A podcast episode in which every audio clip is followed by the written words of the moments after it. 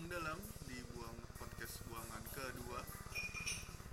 Hari ini tanggal 20 22 21 21 November. Ya udah selamat ulang tahun kepada Sufi Dire Ayu. Ayo ulang tahun? Iya Ayu ulang tahun. Ayu ulang tahun hari, Hari ini? Nah, dia ada di Google Google kalender gue ya tiap tahun maka gue inget tahun ulang tahun wah gila happy gila, birthday ayo happy birthday Happy birthday Ayu semoga sukses dalam segala hal. Semoga sukses juga perjuangannya mendekati orang lain. Semoga inget ya Yu eh, tahun ini soalnya tahun depan kayaknya gue gak bakal ngucapin lo sih. Kayak masih banyak orang yang akan gue ucapin masa. Ayu baru dengerin loh kemarin. Jadi kemarin dari satu orang itu dengernya itu Ayu sih. Oh gitu. Oke. kenapa nggak dari awal dipublish yuk tai deh lu. Anyway. Eh sebelum lanjut gue juga pengen berterima kasih dulu deh. Oh, ke iya. 70 orang yang udah denger buangan pertama 77 gue nggak nyangka akan sebanyak itu orang-orangnya. Tai lu semua. Dan ternyata cukup responsif juga cukup Ternyata. positif juga. ternyata anda semua gabut mendengarkan podcast. Carilah pekerjaan. Kampret kita atau kerja kerjain juga atau Iya, iya. atau kerjain skripsi anda sih sebenarnya. Jangan dengerin podcast mulu. Ngomong podcast ini bisa dimasukin CV nggak ya? Anjir jangan jangan jangan. Nanti kalau di CV di HR ketahuan gitu. Oh ini orang pernah Oh, terus sampah gitu. didengerin iya gitu tuh dengerin. Itu dia, lumayan Oh iya, lumayan, oh, lumayan. untuk untuk podcast ini gue mau challenge diri gue untuk tidak berkata kasar ya Karena di post pertama kayaknya telinga gue cukup sakit juga. Kata-kata, mendengar kata-kata kasar. Oke. Gue tapi tidak mau men-challenge diri gue sih. Iya, gue akan terbuka terhadap diri gue. Gue Oke. udah self yes acceptance. yes. Gue terima diri gue yang ofensif tapi tetap Lo coba ya, Andre. Siap, siap. Ntar gue ingetin kalau misalnya lo ngomong sesuatu hal yang tidak harus diomongin. hidup Nebukadnezar Oke, jadi bahasan kali ini Bener tuh siapa? raja Raja Sodom Raja- dan Gomora. Masih dengan omongan Nebukadnezar. Sodom dan Iya. mau Gondre hari ini bahas apa Kita bahas Jadi kebetulan kita bertiga juga mahasiswa semester akhir Sedang bergelut dengan ke mana diri gue sekarang Ngapain diri gue abis ini Dan menyelesaikan tugas akhir bernama skripsi fuck you skripsi Ya, jadi siapa pun. kita bertiga juga bukan mahasiswa-mahasiswa penerima cincin. Bukan mahasiswa yang lulus dengan tepat waktu Sebagaimana orang tua orang tua kami atau orang tua orang tua orang tua kalian harapkan. Ya ya Kami masih bergelut dengan skripsi Ditambah dengan variabel-variabel lain seperti masalah hidup. Jadi mungkin itu yang menyebabkan kami juga belum selesai. Tapi ya sudahlah semua serahkan pada Tuhan. Boleh dibuka Alkitabnya Tor? Na, na, na, na, lagunya. Mr. Bean anjir gue salah. Ya, oke. Jadi soal skripsi, sebenarnya gue nggak tahu sih maksudnya. Kayaknya emang skripsi atau tugas akhir anak psikologi tuh mungkin atau mungkin eh, fakultas-fakultas humaniora yang lain gitu ya. Gue nggak tahu kalau hukum atau teologi. Iya, iya. Maksudnya, maksudnya kalau Bahasa lu teknik cendekiawan banget anjir. parah. Oke, makanya tadi kan di sana hujan gak? kemilu anjir. Iya, itu menilu. Yang dulu. Iya, Iya. jangan nyanyi kampret. Iya, jadi iya karena karena tuh tadi kan udah gue bilang kan maksudnya gue habis minggu lalu tuh eh, ada jadi gue terhambat soal partisipan gitu-gitu jadi partisipan skripsi gue ternyata kurang ideal jadi ya emang harus cari yang lebih ideal lagi gitu terus tiba-tiba nyokap jadi gue habis ketemu orang buat bahas skripsi ngomongin penuh pacar gue terus di di daerah GI gitu.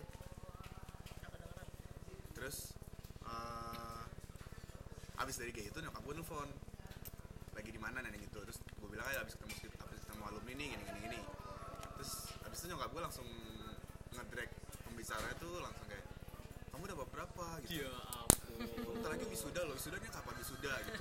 Iya. Nyokap gue tuh langsung mikir wisuda aja gitu. Wisuda kapan wisuda? Kamu harus nyusun target nyusun target gitu ya iya nyusun target sih nyusun target tapi kalau partisipannya juga susah topiknya juga sulit gitu. Maksudnya orang tua nyokap gue tuh terutama tuh nggak dapat perspektif itu gitu. Maksudnya mungkin karena dia nyok- nyokap gue lulusan ekonomi Trisakti. Ya eh iya Trisakti. Iya, iya. yang sebenarnya mungkin itu kayak uh, ilmu praktis aja kan ilmu applicable gitu kan yang lo udah punya jadi itu ilmu pasti lah jatuhnya kan. Tinggal lo terapin atau terus hasilnya gimana gitu mungkin. Tapi kan kalau psikologi gitu apalagi dengan topik gue topik gue tentang homoseksual by the way itu susah banget gitu. Jadi nyokap gue jadi nggak dapat perspektif kalau apalagi tentang orang tua dari homoseksual gitu. Itu kan bukan hal yang mudah gitu untuk mendapatkan partisipan. Jadi dia cuma mikirnya ya lu ya sampai mana gitu lu mau, mau kapan nih lulus? gitu. Ya tapi gue juga ngerti maksudnya dia mengharapkan gue lulus cepat gitu. Karena nyokap gue juga single parent segala macem. Pokoknya gue pressure aja sih Terus gue abis itu langsung abis kelar nelfon kayak udah gue mati telepon gue kesel aja gitu. Terus gue makan sendiri gitu. Ya itu sih. Tapi kan itu dari nyokap lu ya Andre? Iya. lo pernah nggak nerima yang lain dari anggota keluarga lo maksud gue kan lo sering juga bertemu dengan anggota keluarga yang lain selain keluarga inti lo nah kayak om hal tante lo gitu. Iya hal itu sering ditanyakan juga nggak ke lu? Enggak sih. Tapi mereka nanya cuman masih udah lulus belum? Udah lulus belum? Gitu doang gitu. Tetap itu pertanyaannya. Paling males tuh udah lulus belum? Lulus Iya. dari mana? Ada sih saat jadi ada kakak gua kakak gua tapi ini kayak udah jauh banget. Jadi dia anaknya dari abang bokap gua. Jadi gua manggilnya kakak kan kakak sepupu gua. Udah nikah udah punya anak juga. Anaknya bahkan lebih udah kerja juga. Dia nanya-nanya gitu. Dia justru lebih suportif gitu. Oh iya oh gitu ya? Emang susah sih kalau orang tua gini gini gini gitu. Jadi dia nggak nanyanya kapan gitu tapi dia nanya. Dan dia bilang tuh skripsi gue menarik gitu gitulah di situ gue cukup di merasa didukung sih gitu. dan sebenarnya problem with nyokap gue mah mungkin dia belum dapat perspektif itu dan someday gue pengen ngejelasin loh sebenarnya tuh kesusahan gue tuh di sini nih. Apalagi nyokap gue nyokap yang konvensional banget yang melihat isu soal homoseksual tuh langsung kayak no no no gitu deh. Ini kan salah nih kalau di agama gitu gitu. Ya itu makin ribet lagi gitu. Itu lucu sih. Eh kalau misalnya anggota keluarga gue pernah nih. Salah satu kejadiannya adalah eh, jadi ada sepupu gue sepupu gue tuh dia ilmu komunikasi ilmu komunikasi di salah satu kampus yang dari Inggris tau gak sih? Saya semua tahu lah ya. London? Iya. oh iya ampun. Iya gitu LS dan uh, LS ya itu. Terus kayak gitu uh, intinya dia udah lulus tepat waktu banget tiga setengah tahun apa tiga pokoknya nggak sampai empat tahun. Dia benar-benar lulusnya cepat. Jadi dia ngebahas tentang film. Nah sepupu gue ini adalah eh, dari seluruh keluarga gue bener keluarga nyokap dari keluarga bokap gue dia itu tuh benar-benar eh kita berdua tuh cuma sepupu terakhir satu-satunya. Jadi kayak gue seumuran benar-benar seumuran. Sisanya tuh jaraknya terjauh banget. Terus udah kayak gitu eh, dat gue datang ke suatu acara keluarga arisan atau apa gue lupa Eh, dia bilang gini oh selamat ya selamat ya udah lulus udah lulus nah adalah gue di sebelahnya Hai. Nah, terus kayak itu juga males tuh ya Nah, kalian satu angkatan kan? Aduh, gue udah kayak gitu. Iya, satu angkatan. gue nih akan ke mana nih Oh. bicaranya nih Satu angkat, eh, kan satu angkat. Iya, iya om, satu angkatan. Gue ngomong gitu kan. Oh, eh, berarti kamu deskripsi juga, udah mau sidang. Ah, iya doain aja om, gue ngomong gitu kan dengan humble-nya gue ngomong doain aja om gitu. Terus, eh, gua- terus dia bilang kapan emang sem- eh, apa kapan sidangnya?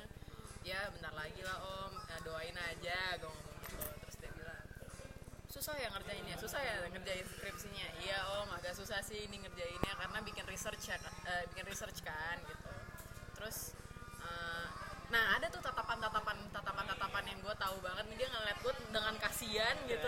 Dia bilang oh gitu ya eh, nggak apa-apa kok empat tahun masih eh, empat tahun masih bisa cukup ya lima tahun juga masih standar standar aja lah. Tapi gue tahu banget nih tatapan tatapannya tuh yang kayak Iya elah nih anak. Kayak gua- Ngapain gua aja sih lo? Ngapain aja sih lo Wah gue udah paling males tuh Udah tatapan-tatapan kayak Iya iya gue tahu. Gue gak tiga setengah tahun. Kalau ngerespon ke lu ya Dep, lu kan saudara lu yang seumuran sama lu terus uh, lulus duluan ya? Eh. kalau gue lebih parah men.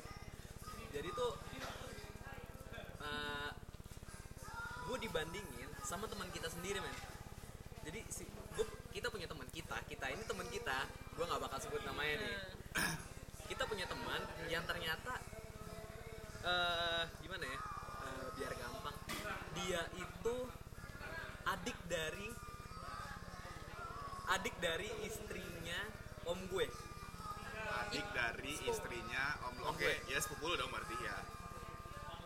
Om lu nih yang no dong. saudaranya nyokap atau bokap lu? Sepupu ipar dari lo nyokap. gitu. Sepupu Sepupu adik, ipar. adik adik kandungnya ipar gue. Ah iya iya adik kandung adik kandung. Oh oh oh oh. Iya iya iya iya. Jadi si teman kita ini punya kakak. Kakaknya ini nikah sama om gue. Oh iya gitu. nah somehow si kakaknya teman kita ini terhubung sama nyokap gue di Facebook. Paham kan? Iya, iya, iya. jadi pas dia Aduh, lulus pas dia lulus si kakaknya ini ngepost foto lulu ininya foto lulusannya. Nah, tiba-tiba satu satu saat nyokap gue gue lagi ngobrol sama nyokap santai-santai nyokap gue ngasih tunjuk satu foto gitu. Ah, dek ini ada anak Atma Jaya nih. Udah lulus kok kamu belum gue bingung dong anak Atma Jaya mana yang temenan sama nyokap gue? Karena saudara gue nggak ada yang kuliah di situ adapun eh, itu junior gitu. Gue lihat dong fotonya tapi gue nggak lihat full. Fotonya tuh di ini gedung B. Oh iya. di Karawocila Ah. di Karawocila nah gue tahu banget dong gedung itu. Gue bilang wah iya tuh anak Atma tuh. So gue bilang "Gua coba lihat fotonya. Wah ternyata sih bener sih teman kita ini. Hmm, oke oke. gue gue gue refleks bilang loh ma ini mah temanku oh temenmu? Iya sangkatan sangkatan ah mulai deh tuh di situ tuh meltdownnya. Kok dia udah lulus? Kamu belum? Ya dia gue pakai alasan-alasan ini dong alasan-alasan aktivis. Aktivis kuliah. Ya dia hidupnya anteng-anteng aja. Kegiatannya juga lancar-lancar aja. Nggak nggak punya masalah lah kayak aku gitu terus nyokap gue bilang emang kamu masalahnya apa? Kok dia bisa kamu enggak? Kamu nih kalah nih sama dia nih payah Iya, kamu. iya, iya. Aduh. kamu udah kamu udah "Ih, gini lah gini gini gini gini gini gini. Wah di situ gue bete banget men. Par- hari itu gue bete banget. Gue bilang gue nggak gue bilang aku nggak kenal siapa mama lah. Ini udah bandingin sama anak orang lain mama lebih sayang sama anak orang lain. Jadi drama gitu. hari itu gue langsung cabut ke atas gue main Dota sampai nggak konsen terus gue tidur deh gitu deh. Gue sebete gue sebete itu. Kayak anjir gara-gara skripsi men nyokap gue jadi lebih sayang sama anak orang. Anjing lu masih sayang-sayang gitu anjing. Iya pada saat itu iya tapi pada, Jijik. kayak pada saat sekarang dengan semua problemnya gue udah kayak meh ya udahlah gitu. Iya iya. iya. dan banyak lagi loh keluarga gue yang nanya-nanyain kayak gitu. Yang ba- yang spektrumnya tuh ada yang dari paling bangsa sama paling baik. Kalau yang dari paling baik itu yang dikasih ke gue kayak eh, coba deh lihat bab satu lu sini. Lu salahnya di mana mana ada yang bahkan sampai bikin gue gitu. Itu kan bagus kan ya? Ada yang sampai cowok ada yang sampai yang paling bangsat nih kamu kalau cari dospam yang batak aja biar bisa disogok. Apa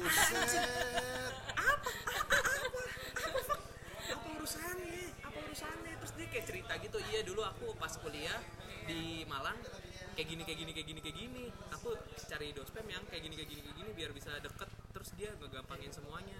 Kamu kalau bingung topiknya apa minta aja lah sama dosennya. Jangan kamu yang cari topik.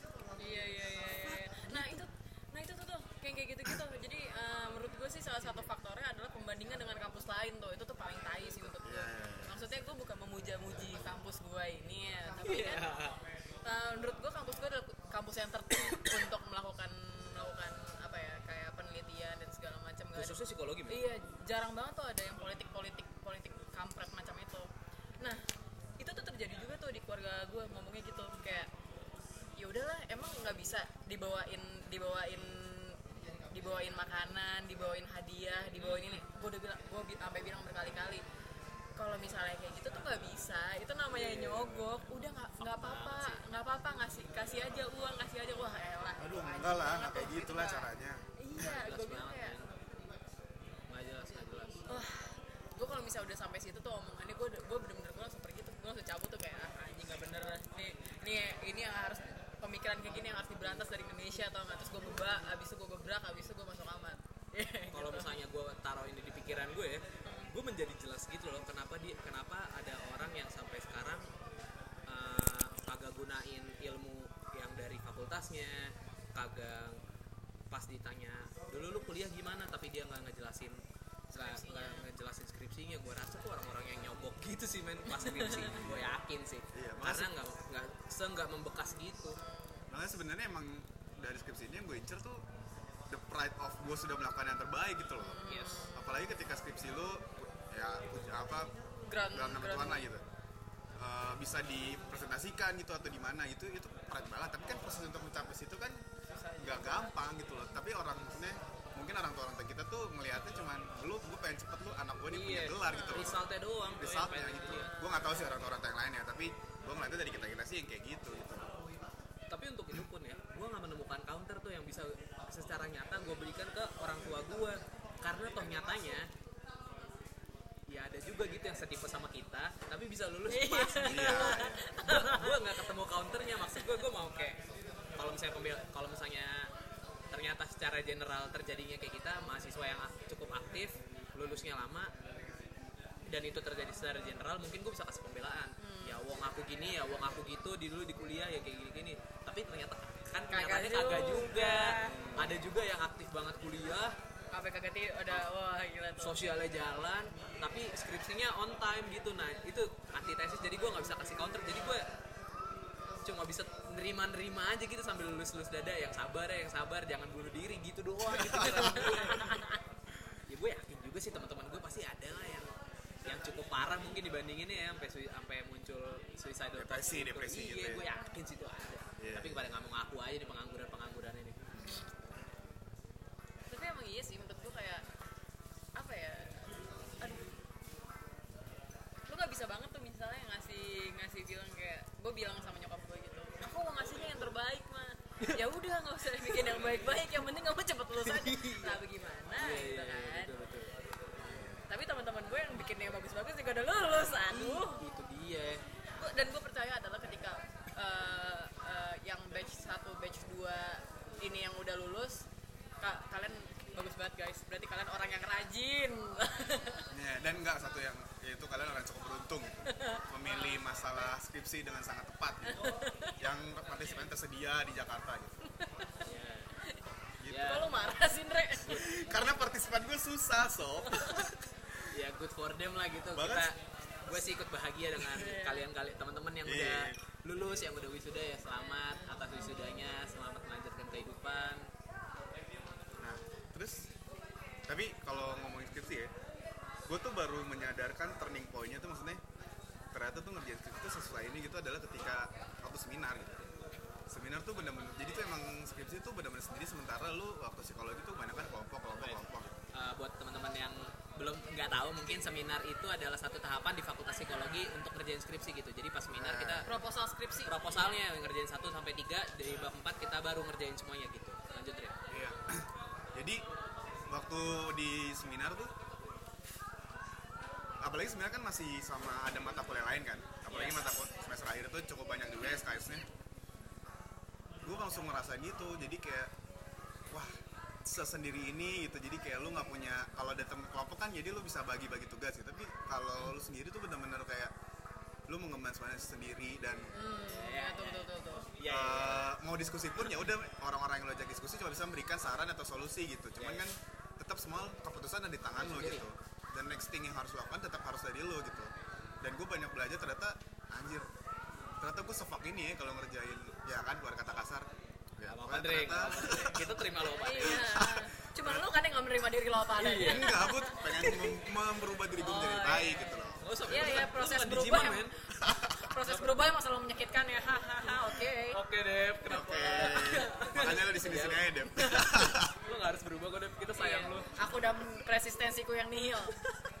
Gitu jadi dan dan dari sebenarnya itu gue makin ada yang pernah bilang gue jadi kayak skripsi itu cerminan diri lo gitu.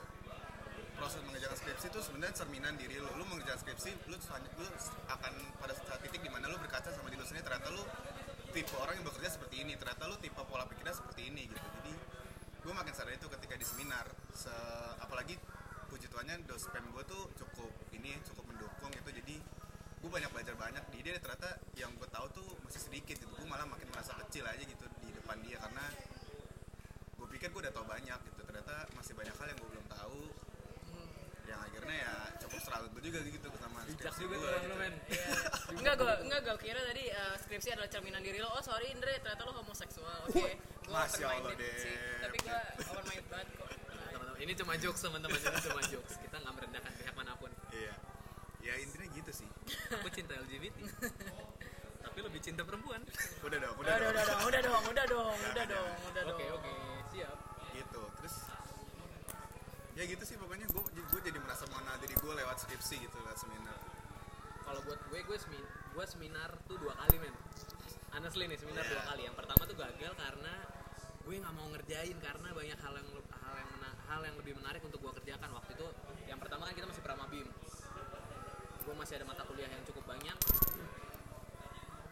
Eh, terus jadi itu sama sekali nggak gue kerjain tuh. Beneran nggak gue kerjain gue nggak ngumpulin. Terus baru yang kedua gue ngerjain dan mengumpulkan gitu. Eh, kalau gue sih temuannya adalah betapa gue dimanjakannya sama fakultas gue sebelum gue skripsi gitu loh. Maksudnya dari SMA kan kerja kelompoknya lumayan banyak pas masuk ke psikologi dari semester 1 sampai semester 7 itu di lo di, di benar-benar kerja kelompok semua gitu. Dan gue dimanjakan tuh dengan situasi kayak gitu. Gue punya teman diskusi gue punya teman buat ambil keputusan. Tapi ketika seminar kan tadi yang lo bilang itu lo, lo sendiri. Nah di situ gue kaget banget tuh. Iya iya. gue nggak pernah sangka kalau misalnya shit kerja sendirian yang panjang ternyata melelahkan ya gue bosen banget nih ngerjain ini. Belum lagi sama ditambah revisian revisian as uh, dospem yang kadang-kadang gue ngerti kadang-kadang gue nggak ngerti nggak kadang-kadang dia nggak tahu pakai bahasa apa anjir. Iya. Mbak pelan-pelan. Gue nggak tahu gue mau diskusi sama siapa karena gue di pikiran gue sih gue taunya kalau gue diskusi sama temen sangkatan gue ya teman-teman sangkatan gue juga struggle sama hal yang sama gitu. Kalau misalnya gue diskusi sama saudara-saudara gue yang lebih tua mereka kagak ngerti topik gue kalau misalnya diskusi sama orang tua gitu gitu coy tanya emang jadi gue emang pas seminar skripsi kemarin gue emang lebih struggle sendirian banget. Iya sih bener. ya saksi sendirian menurut gue makanya lu selalu ada attachment sama orang-orang lain gitu ya guys Hmm. oh, ya itu gue akuin gue attach sama orang. Tapi makin ke sini gue ma- makin dikit kok. Cuma berapa orang yang jadi teman ya? gue iya iya. lama-lama tereliminasi gitu loh yang dulu sering main-main gue nggak tahu sekarang ke mana. Mungkin bikin puisi kali ya atau gimana. Iya. Eh, kalau lu deh? Jadi Debu tuh di sini adalah salah satu, satu orang yang mengerjakan skripsi sambil kerja gitu. oh iya iya lu iya. struggle apa tuh? Paling pasti struggle banyak banget nih sih. iya sih gue gue kan lebih yang paling parah udah presen, resistensi gue nihil gue harus kerjain skripsi yang harus gue kerjain sendiri gitu kan maksudnya yang per- ya sebenarnya masalahnya sama karena biasanya gue kerja kelompok terus sekarang kerjain skripsi sendiri gue lebih yang paling parah tuh manajemen waktu sama eh, manajemen waktu sih jadi kayak ibaratnya gue udah bikin timeline nih. Gue harus ngerjain ini ngerjain ini kerjain ini. Sedangkan gue masih ada juga loh kerjaan yang kerjaan kantor gue gitu. Maksudnya Gue gak mau Di- promosi kantor lo di sini. ya uh, jangan nggak dibayar. Jangan nggak dibayar. Eh, kalau boleh tahu ini kantor gue adalah eh, pionirnya digital bank ya. Iya. ya digital banking. Yang kalian tahu itu yang sangat pintar. Isn't it? iya. Udah lah ya udah lah, udah lah. nggak terus udah. Terus udah kayak gitu eh, gue emang masih intern sih jatuhnya. Cuman nah, dalam kantor gue itu divisi gue tuh cuma dua orang. Tadinya bos gue sama gue. Jadi eh, load kerja gue tuh banyak. Habis itu pulang gue harus ngerjain eh, skripsi gue. Terus udah kayak gitu eh, yang gue tuh ngerjain seminar sama kayak Torkis dua kali. Yang pertama itu bener-bener gue gagalin juga. Nggak gue nggak ngumpulin gue nggak bimbingan. Gue udah udah gue stuck banget. Karena dospem gue nggak mendukung juga sih. Maksudnya topik gue tuh topik gue juga sebenarnya gue lebih suka topik gue yang pertama jadi tentang coping stress gitu. Cuman dia kayak ya udah terserah kamu terserah kamu mau buatnya kayak gimana. Mbak kalau saya terserah terserah gue juga tahu aja mau bikinnya ke mana kan. Dia tuh nggak membantu gue kayak gue harusnya da- dapat referensi ini referensi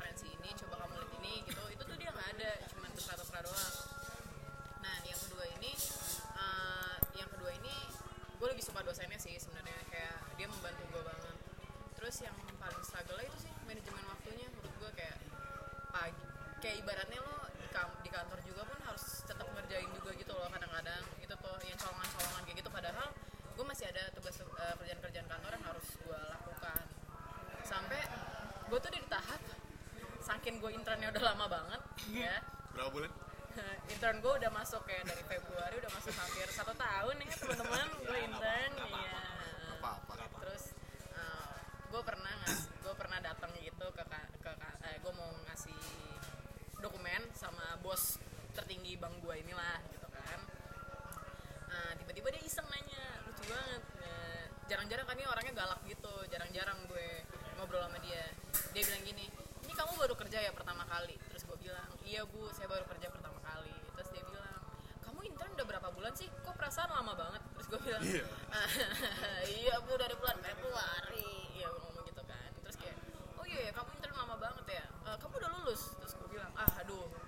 hari itu adalah hari di mana gue udah penat banget ngerjain seminar. Terus gue ditanya kamu udah lulus? Oh oke. Terus gue kayak "Eh, enggak bu belum lulus saya ngerjain skripsi gitu. Terus kayak kamu ngerjain skripsi sambil kerja? Emang bisa ya? Dia ngomong gitu kan. Terus gue terus gue ngomong gini ya siangnya saya kerja malamnya saya seminar eh, saya eh, ngerjain skripsi sih bu ngomong gitu. Oh gitu. Ya udahlah kamu cepet-cepet lulus biar ntar kerjanya serius. Wah anjir gue udah kayak sorenya gue ke bank. Ke banknya kan gue ke teller ya.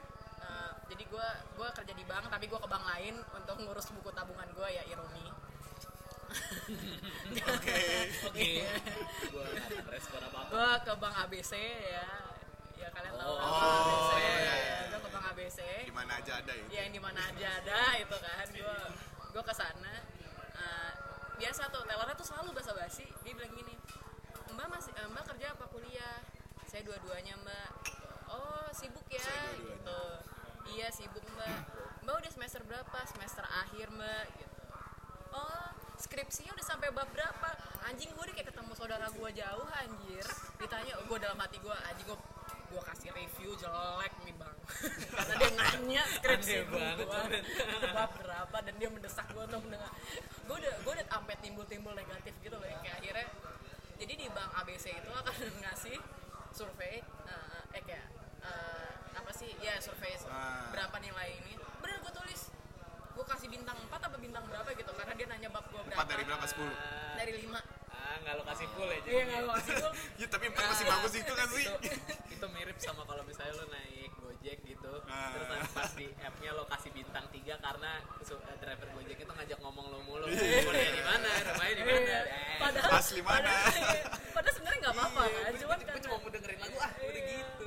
Tapi karena gue ngerjain wah itu tuh gue wah hari itu tuh kayak serasa semesta tuh ngejar-ngejar gue tuh tuh fakta banget sih. Eh Dep gue punya pertanyaan menarik deh buat lo. Karena lo sambil kerja sambil seminar kan?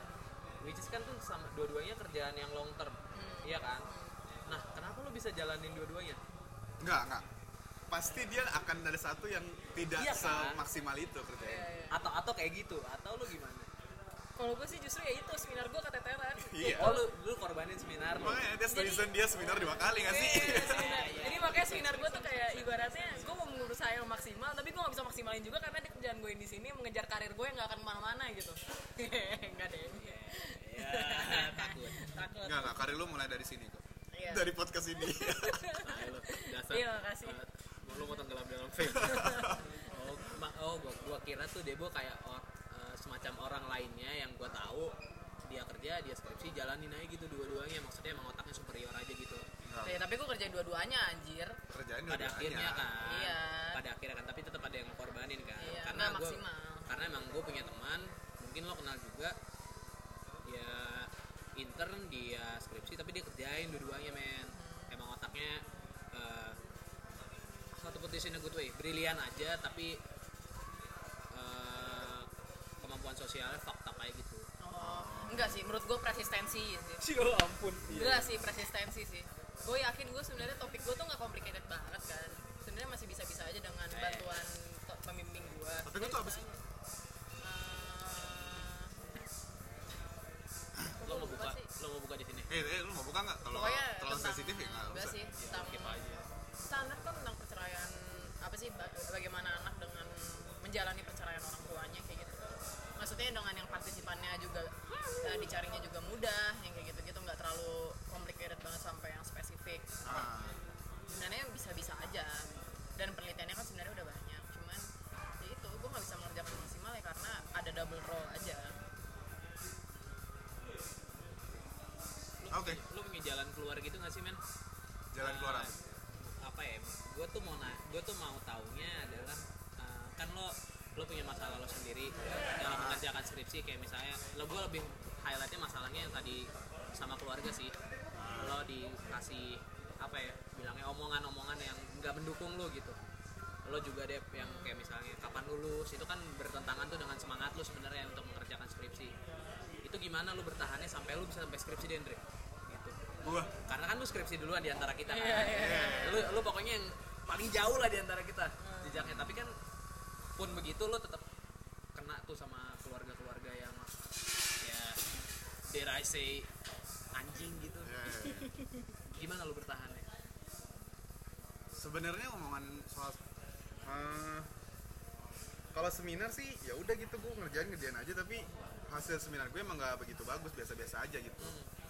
Terus oh ya tapi kalau mau ngomongin soal gimana gue bertahannya gue pribadi tuh nggak terlalu memikirkan lingkungan gue maksudnya teman-teman gue yang udah saya mana-mana gue nggak begitu masukkan ke pikiran gue karena karena di satu sisi gue menemukan topik yang cukup menarik didukung juga sama dospem gue mungkin variabel ba- banyak kali sampai akhirnya gue bertahan sampai gini karena dospem karena topik gue juga gitu.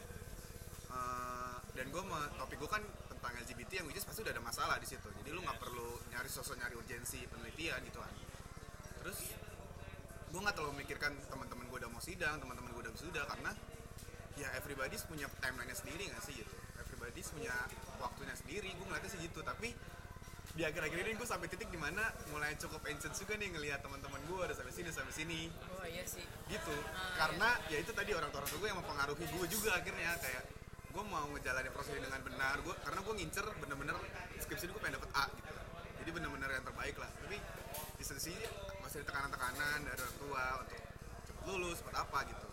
Mungkin karena ada pengaruh orang Batak dengan bagaimana cara mempola asuh anaknya yang ingin apa terbaik untuk anaknya pride orang Batak gitu. Dan mungkin dan mungkin nyokap gue yang single parents jadi apalagi gue anak cowok jadi gue harus cepat-cepat untuk menyelesaikan semua tanggung jawab gue untuk mendapatkan tanggung jawab yang lain gitu. Ya intinya gitu sih gue sebenarnya nggak terlalu mikirkan karena di satu sisi juga oh ini juga nyambung sih kayak sometimes gue masih ada keambiguitas kayak abis lulus nih gue mau ngapain? Gitu itu Gawe karena sih? apa? Gawe gawe iya gawe iya. Tapi gue nggak gawe. yang di kantoran karena gue nggak pas KKP kemarin gue nggak cocok lah. Nggak menikmati kerjaan kantoran sebenarnya. Tapi ya itu juga maksudnya gue belum tahu gue mau ke mana. S2 juga bukan pilihan yang oh iya. prioritas Oh iya? lah. Oh iya.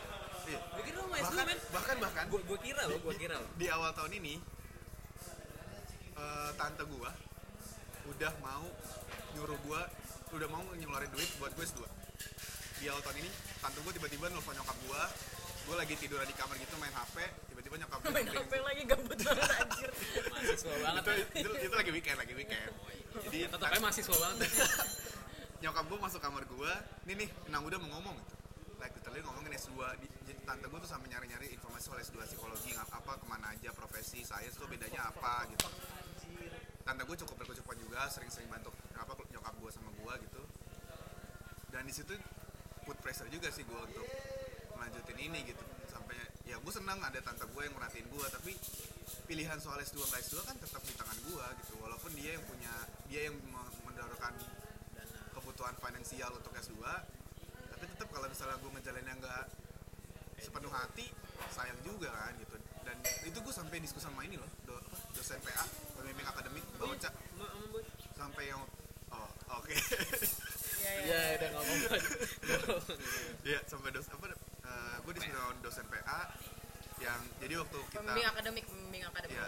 eh, waktu kita ini yang semester awal kemarin Iya, iya. tahun ini. Yang bimbing yang bimbingan. gue diskusi sama dia gitu. Jadi enaknya gimana ya? Jadi emang gak cuma dia lah ada Kak Becky ya alumni juga alumni gitu. Ada angkatan-angkatan di atas gue gue nanya-nanya gitu emang S2 psikologi tuh nggak mungkin lo kerjain sambil kerja juga gitu loh. Bahwa pengalaman kerja tuh juga mempengaruhi lo di S2 gitu sih. Jadi ketik jadi kalau menurut mereka mereka ini kalau lo S2 emang pengen bener-bener S2 ya monggo. Tapi untuk dilakukan sambil kerja itu adalah suatu hal yang hampir mustahil Sorry. untuk dilakukan. Men, gue kira lo S udah from untuk S2 lo kan nggak tahu sih gue Enggak. dapat dari ya mana S2 mungkin.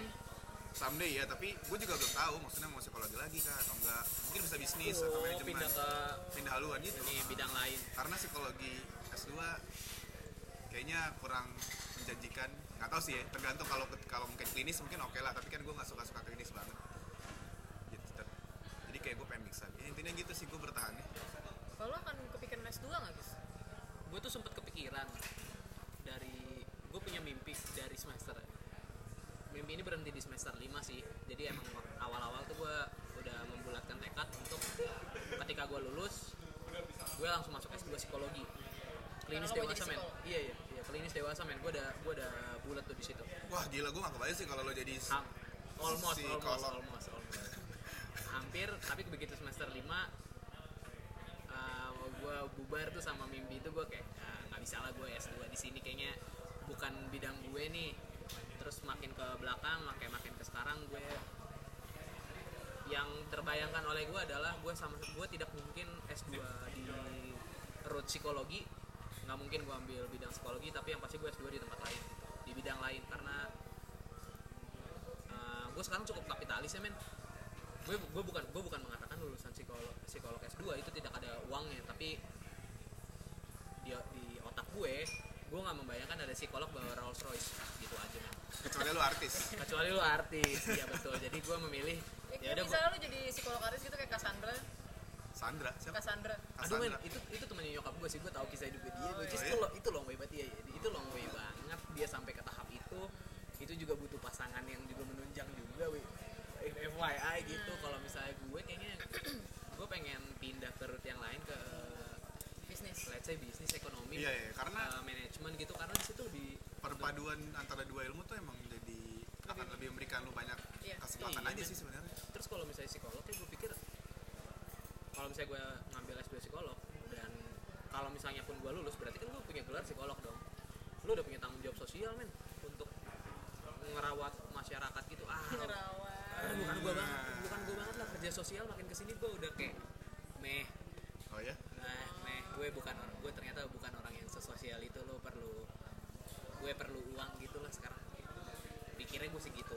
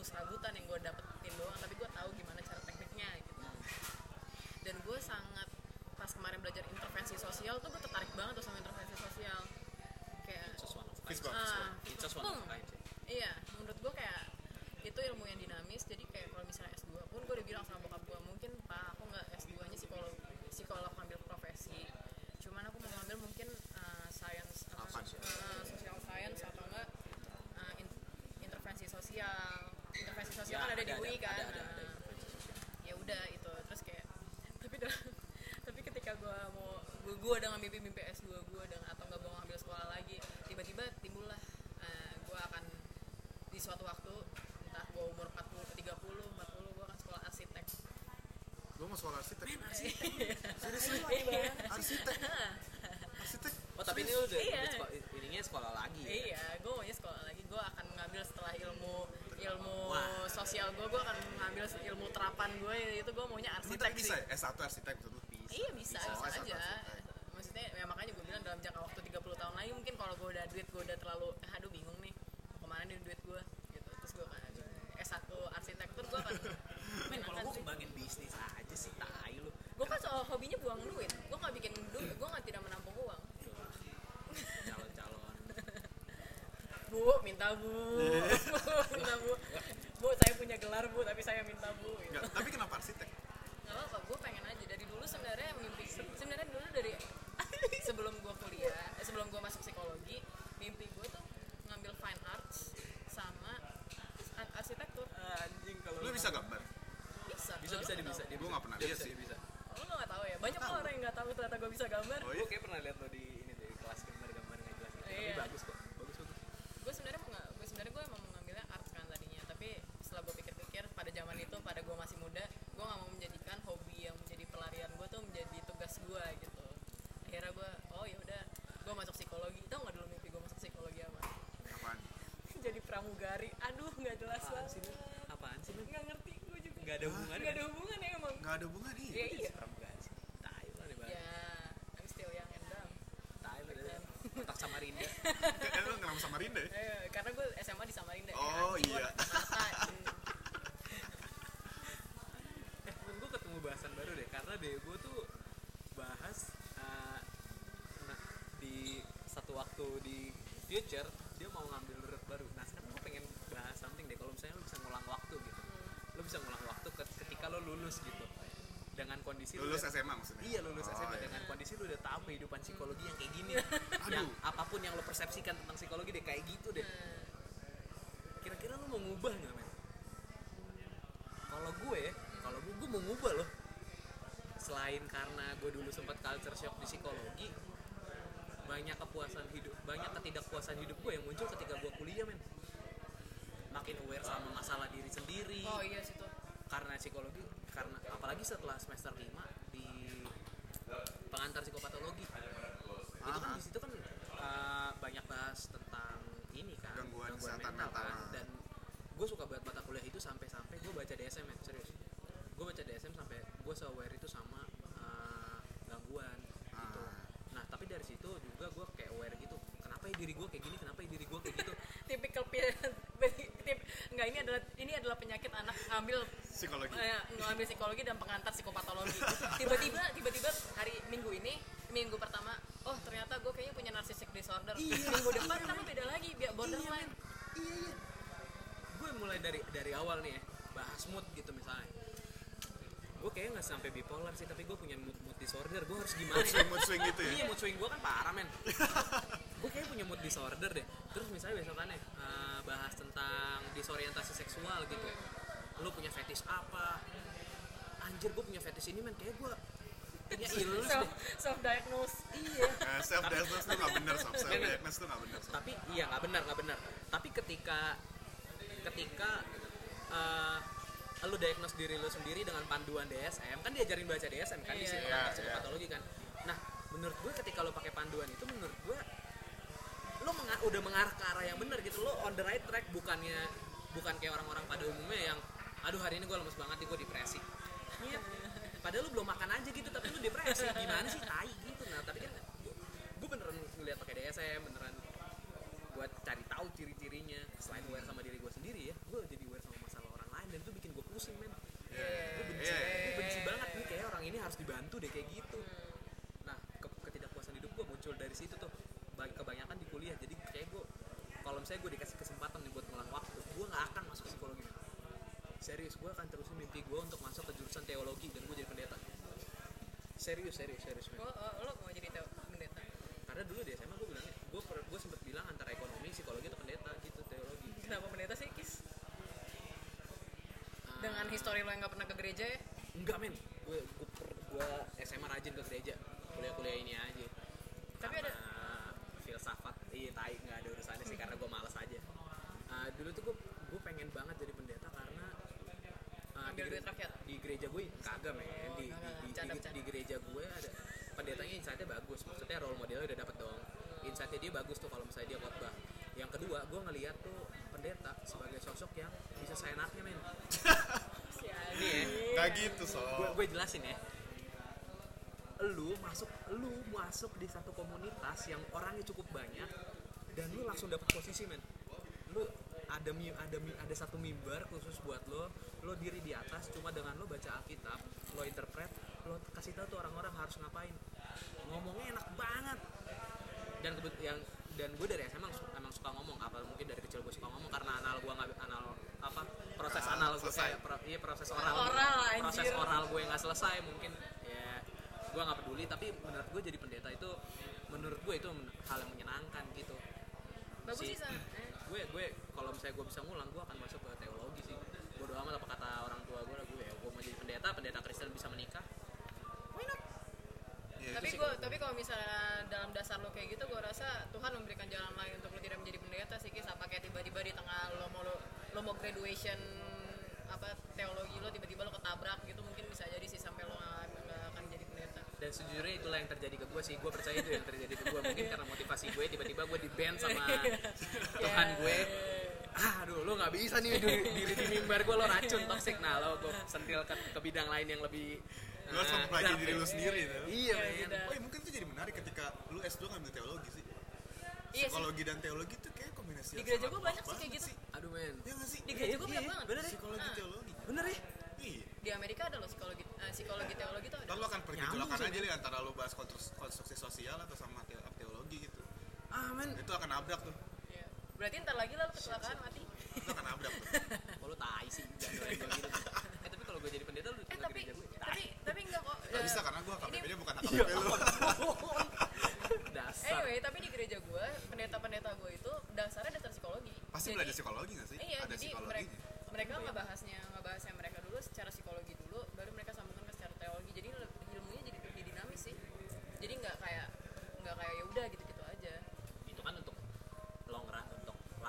gue ya mungkin itu bisa gue jadiin bahan pikiran sih ketimbang gue nggak lanjut S2 gitu kan ya eh tapi enggak lah kalau misalnya ini kag- waktu kagak diulang ya gue tetap dengan pikiran kapitalis gue ya Oh iya, iya. Oh, sorry, iya. sorry, sorry, sorry, sorry. Kok kita jadi nggak- pendeta tuh tahu kaya dari berkat Tuhan. aduh fuck lah Enggak, enggak, enggak. Itu tuh double role, men. Jadi Iya. lo, bi- lo kayak di sini, lo kayak di surga. Lo ada dapat petakan kaflingan.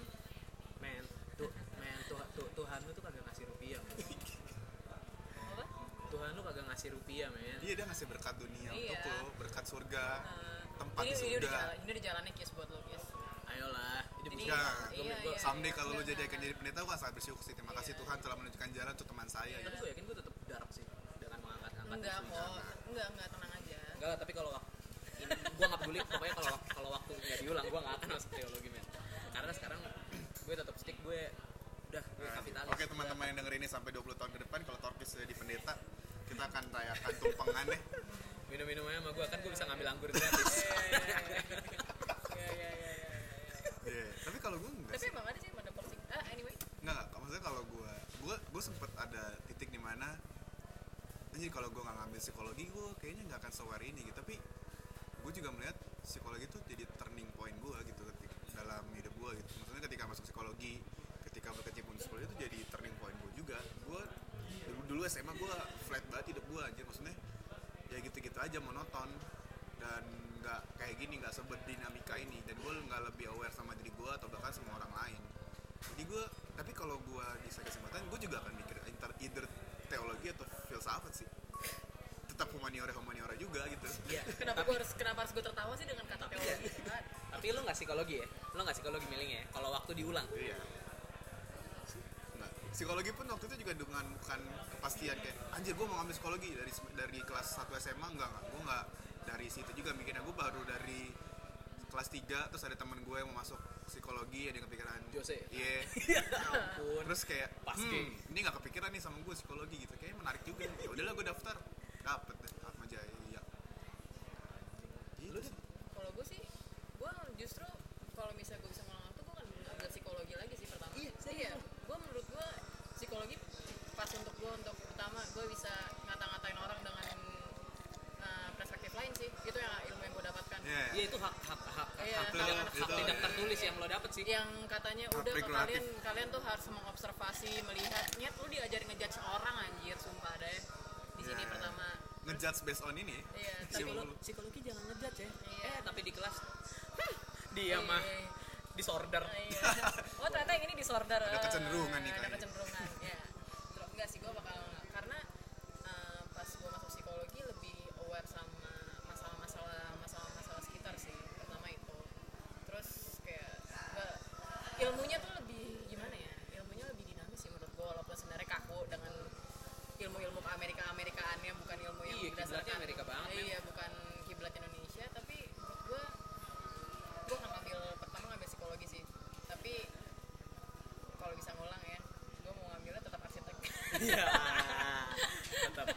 arsitek Iya. ya lu consider lu consider ngambil politik gak deh iya sih sebenarnya. Oh iya. Political Iya, science politik. menarik. iya political science. Gara-gara gue hukum akan pilihan ketiga sih.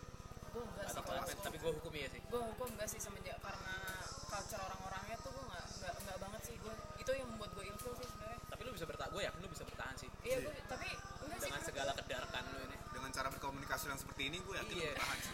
Iya lu bertahan sih Enggak, walaupun lu karena nggak gue suka ya. enggak karena gue sama kalian berdua. Coba kalau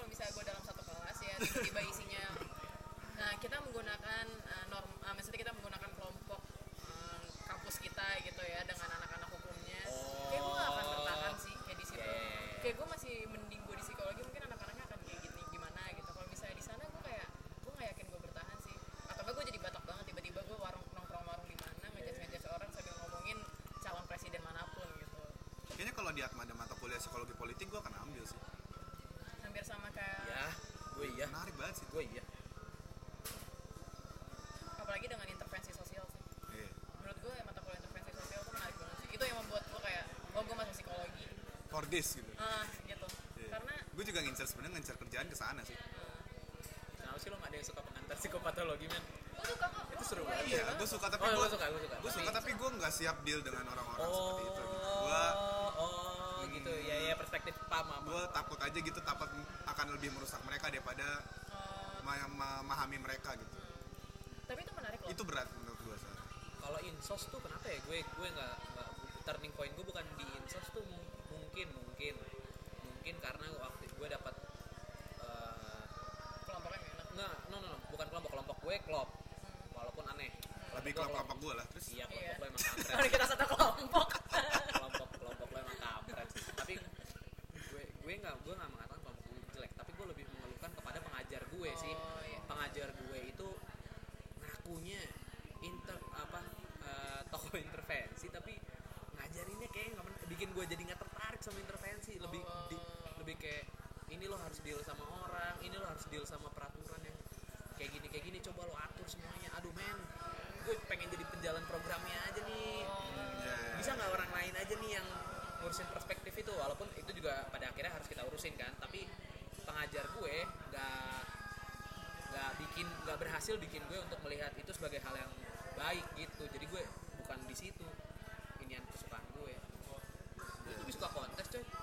kontes.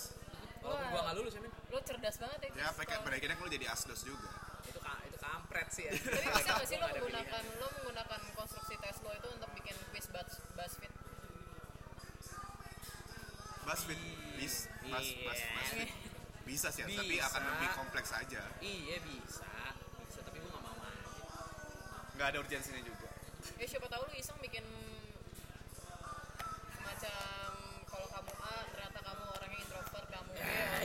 quiz Facebook juga bisa nyet.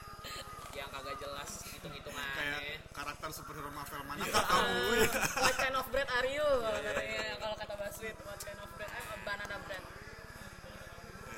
Isi lah itu tapi kalau gue mau balikin lagi nih gue tadi kepikiran juga sih soal pergumulan kita dengan kuliah dan keluarga gitu ya. Apakah generasi kita akan memperlakukan anak kita nanti atau keturunan kita dengan cara yang sama gitu? Karena karena karena alumni alumni jadi kan di Mapala gue sering berkecimpung sama alumni bahkan yang tuir tuir gitu kan. Jadi kayak angkatan 99 angkatan 2000 gitu.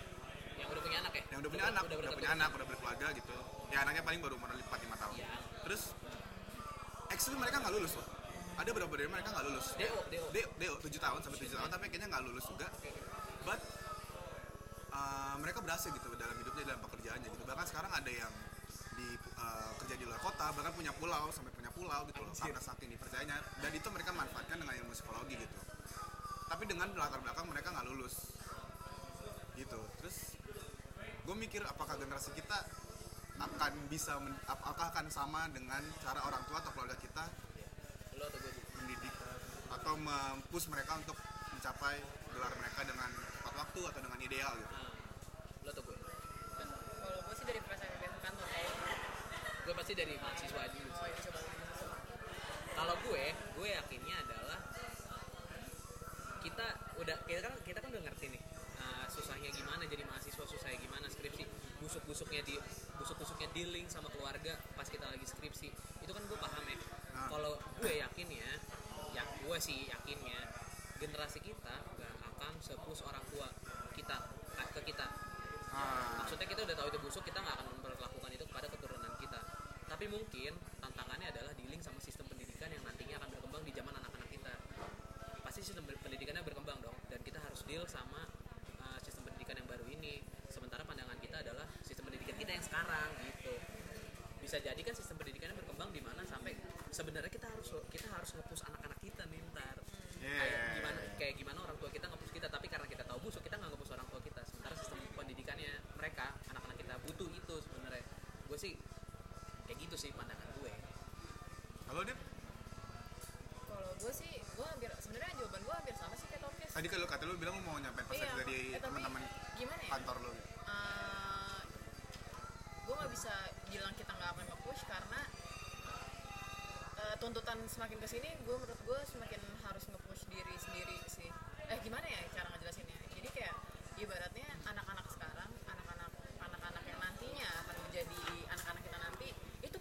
kualifikasinya tuh banyak banget coy. Maksudnya nggak- kebutuhan skill? Iya skillnya mereka tuh banyak banget. Yang diperlukan Ah, mereka yang gitu. diperlukan mereka. Karena semakin lo banyak semakin banyak populasi orang semakin banyak persaingannya semakin banyak pula orang yang membutuhkan pekerjaan apalagi dengan uh, mungkin akan di beberapa pekerjaan akan dieliminasi karena udah ada sistem otomasi ya. Nah itu tuh yang membuat gue jadi kayak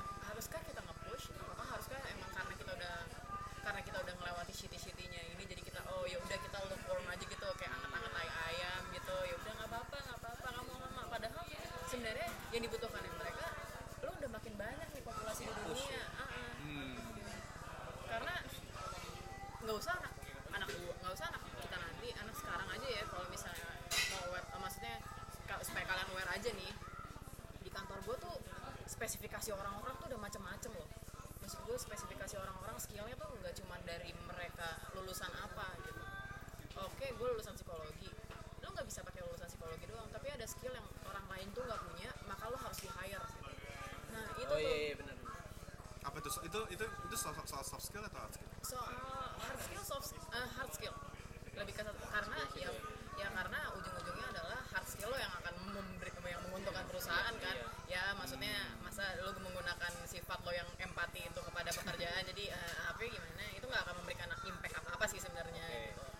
Nah eh, dan apalagi gue sekarang kan dulu sempat yang karena gue pernah ngajar dengan an- orang tua orang tua orang-orang tua millennials anak-anaknya tuh spesifikasinya udah banyak banget cuy. Anak-anak kecil. Nanti hari senin les apa hari selasa les apa skillnya tapi itu nggak akan merusak mereka gitu? Karena ujung-ujungnya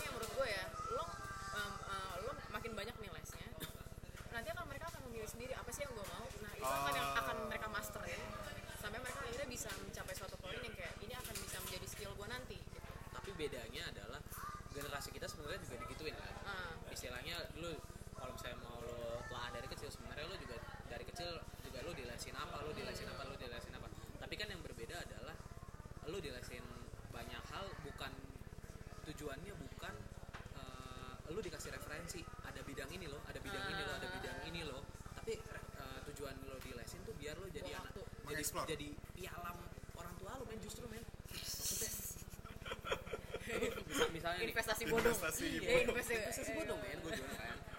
Eh, jadi kayak misalnya nih lu di lesin piano. Dulu gue gue gue gue di lesin piano dulu. Tapi gue semenolak itu karena tujuan orang tua gue ngelesin gue piano adalah biar gue jadi pianis gereja men. Eh orang Batak mana yang anaknya nggak jadi Untuk main di gereja. untuk gereja halo aneh banget men. Terus kayak misalnya gue gue iya gue gue juga. Oh iya, gue juga gue juga. gue dibimbelin misalnya. Tapi gue nyesel akhirnya tuh nggak lanjutin. Gue Iya. nyesel. Itu ntar gue gue lanjutin. Gue gue dilesin matematika gitu. Gue gue dilesin matematika kar biar gue ranking satu. Bukan biar biar bukan bi- orang tua gue tujuannya bukan biar gue suka matematika. Biar gue ranking satu di sekolah. Iya iya iya. bukan setelah gue telat lah sih. Kayak bukan ya itu tujuannya lo dikasih les banyak sebenarnya lo kasih referensi sebanyak banyaknya ke anak lo ini lo di masyarakat lo bisa jadi pemain piano lo bisa jadi penyuka matematika lo bisa jadi drummer lo bisa jadi yang suka ngomong ya lo pilih aja nanti yang cocok sama hidup lo sebenarnya kan di bagian situnya tuh yang menurut gue salah ya pun sekarang gue nyesel sih gue gak belajar piano gue belajar sendiri sekarang biar gue bisa memikat hati wanita Ih, jijik banget tuh. emang bodoh Iya. Tapi kalau misalnya, nah bedanya adalah orang tua kita zaman dulu ngasih les emang tujuannya seperti itu kan. Cuma anak-anak sekarang dengan orang tua yang udah orang itu orang dia. tua anak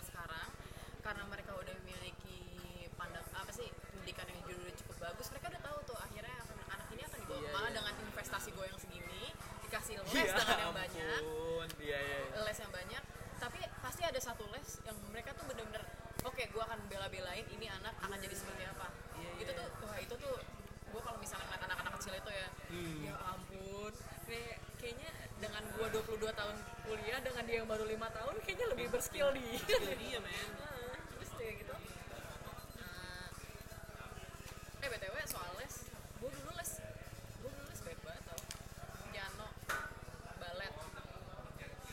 piano sempoa balet Sempoa. balet Sempoa gue les. Sempoa. Sempoa gue enggak.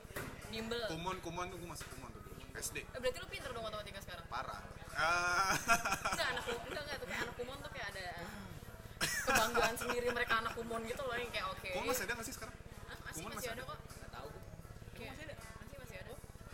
Kayak, oke gue anak kumon berarti gue, eh, berarti matematika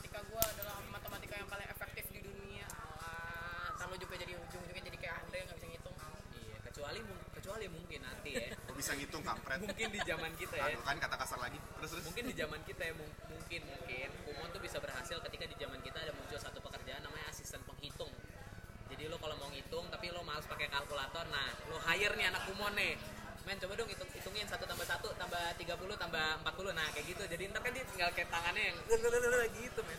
Itu, nah, sorry itu, ya, itu yang bukan, dengerin itu lo bukan, gerak lihat itu gerakan bukan namanya dia harus les kumon, itu namanya hamba matematika atau enggak? Beda dong kalau hamba kalau hamba matematika itu lo Dia nggak menghitung secara lo- efektif. lo, ngembangin matematikanya lo pakai ilmu matematika lo. Tapi kan yang diajarin di kumon cuma menghitung men. Emang iya, nggak tahu sih gue menghitung sih. Menghitung. menghitung, menghitung kan? matematika. Ya macam Emang yang cara Oh, efektif gua- kan ada tekniknya. gue gue gue gue nggak tahu men. Eh, Lo lo ke sana aku. enggak gue kumon tapi nggak sampai lama juga. Kayak cuma berapa tahun? Tiga dua tiga tahun kalau nggak salah. eh, teman-teman ini gue memberikan kesempatan eh, jadi di sini ada manajer kita Greta. Dia mau dari tadi mau ngomong karena argumen gue. Kita kasih kesempatan Greta ngomong ya. Iya, iya, ini iya. Greta yang ngomong. Enggak, jadi kalau kumon itu eh, tujuan utamanya adalah bukan masalah lo bisa matematika, tetapi induktif, penalaran induktif. oh iya iya. Iya iya iya Jadi pada saat lo itu jadi dari Jepang kalau nggak salah kumon Iya, Iya. jadi pada dasarnya itu kalau ngomongin teori psikologi, jadi kayak matematika itu ada dua, deduktif dan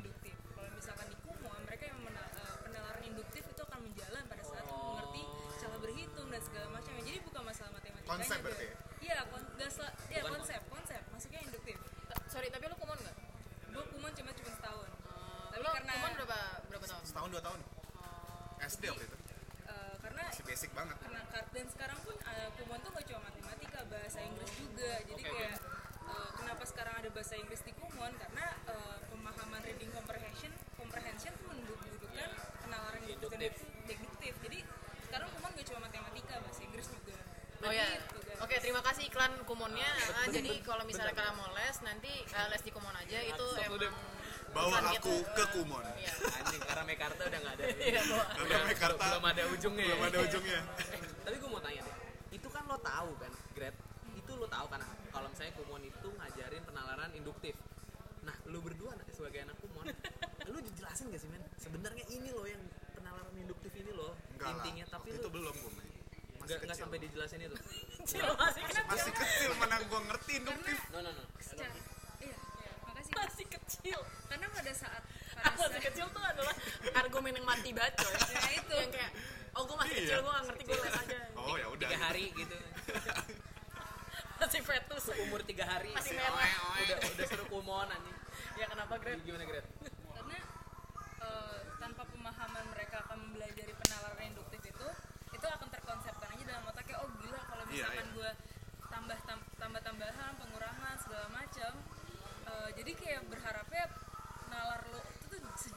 dan lu menghitung gitu. Karena itu kan konsep makanya tadi kayak Andre bilang konsep. Men tapi gue tetap percaya ya, proses pendidikan itu apa pun itu proses namanya proses pendidikan pasti ada pembelajarannya which is butuh the briefing man. nah sebenarnya tapi ya kalau kita di psikologi kan ada briefing ke tiap uh, apa kelompok. Apa sih perkembangan itu kan pasti beda-beda gitu. Cuman yang mau tadi gue kepikiran kayak lu bilang lu dilesin piano untuk bisa di gereja atau tadi apa ranking iya. satu? Matematika matematika ranking satu. Terus gue kepikiran kayak mungkin waktu gue kecil karena faktor nyokap gue single parent juga gitu jadi dia memberikan apa yang menurut dia terbaik aja gitu. Sementara kayaknya gue tidak diberikan kesempatan untuk mengeksplor diri gue gitu. Karena kan lu akan belajar ketika lu uh, punya curiosity gitu. curiosity tuh hal yang gue kurang lah waktu gue kecil gitu. Makanya kalau tadi gue ngalanjutin soal generasi lu akan gimana nih ketika mendidik uh, anak lo soal pendidikan? Kayaknya pilihan untuk kuliah kalau dia nggak mau kuliah tapi dia punya skill additional tertentu yang bisa menjanjikan dia hidup kayak gue juga nggak akan mau apa sih gitu. Jadi kayak kebutuhan untuk kuliah juga kayaknya kan semakin mahal gitu ya. Lu gue juga susah juga nih untuk mempus mahal banget men. mempus anak lo untuk masuk PTN gitu ya. Kalau lu pinter banget masuk PTN nggak apa-apa tapi kalau akhirnya nggak bisa lu nggak mau kuliah tapi lu punya skill tertentu untuk sekarang gue kayaknya untuk akan bilang fine fine aja sih. Iya sih. Gue gitu gue sebenarnya gue gue kalau misalnya menanggapi pendidikan yang informal pendidikan informal ya bisa kita bilang pendidikan informal kan? Iya iya iya. Menurut gue yang gue harapkan adalah sebenarnya kayaknya ini gue temukan sekarang tapi gue harapkan ini gue dapat lebih awal gitu. Gue gue gue di gue secara gamblang dijelaskan kenapa gue di harus les ini kenapa gue harus les itu dan dan please jangan dengan harapan balik-balik lagi ke lu gitu. Di mana nih di gue nya gitu. Hmm. Uh, misalnya gitu uh, gue di gue yang harapan gue misalnya orang tua gue bisa ngejelasin gue kenapa gue harus dilesin piano kenapa gue gue mungkin gue gatel kan mulut lu mungkin gue gue harus nyokap gue nyokap gue ngeh kalau misalnya di masyarakat itu ada masyarakat. ada satu orang yang namanya pianis gitu dan itu lu bisa diuangin gitu Iya, bisa, iya, lu iya. bisa bertahan hidup the reason itu. kenapa orang Iya. tua lu pengen itu Ya, itu please, kurang dan please jangan alasan investasi Eh, gue biar kamu jadi pianis gereja. Men what's buat guanya apa kalau gue jadi pianis gereja? Nah. tetap harus kasih durung-durung men. Enggak enggak enggak serta itu yang kita sebutkan namanya uh, gap generation generasi gap. Karena generasi orang tua lo tidak memahami pada saat dia masih kecil dia harus Iya, ada iya, pemahaman. Itu ngomongin generasi lagi gue uh, pasti Bo. baliknya ke generasi sih. Iya, orang tua lu karena- 68 kan? 60-an lah. secara konvensional mereka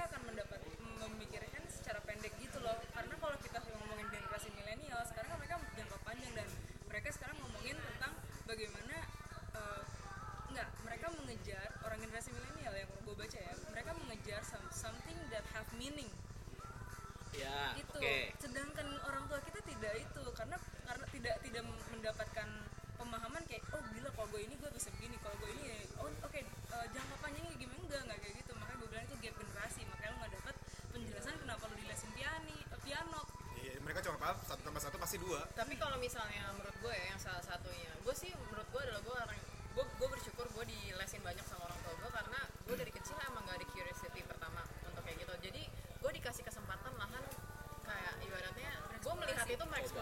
mengeksplorasi aja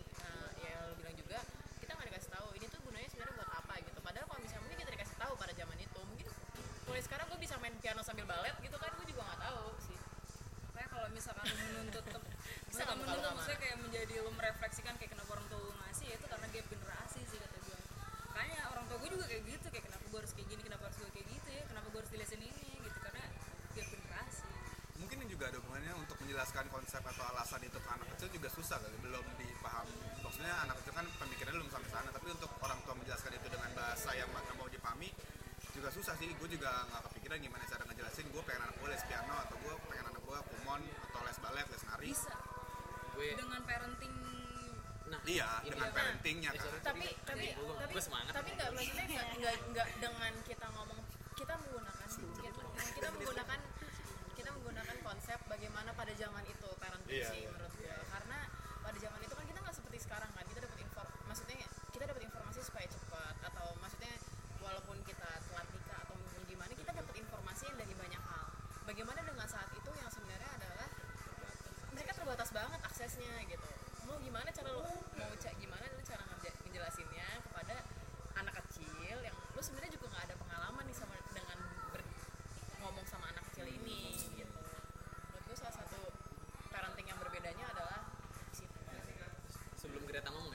sih lebih pendapat udah kita kalau gue berpendapat adalah udah stick stick aja dengan alasan adanya generation gap gitu.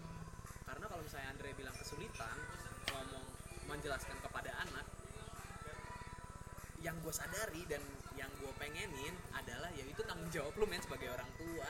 Iya. gak ada hal lain udah itu tanggung jawab lu sebagai orang tua. Mau sesusah apa pun ya udah tanggung jawab lu itu. Itu harus lu lakukan. Kalau lu nggak bisa ngejelasin itu ya ya lo membentuk diri lu lagi tuh di anak lu lu mau gitu-gitu aja. Gue jadi gue lebih stick ke arahan oh ya udah di generation gap gue bisa gue terima dengan baik karena itu adanya. Tapi kalau kesulitan gue nggak gue nggak terima tuh kesulitan.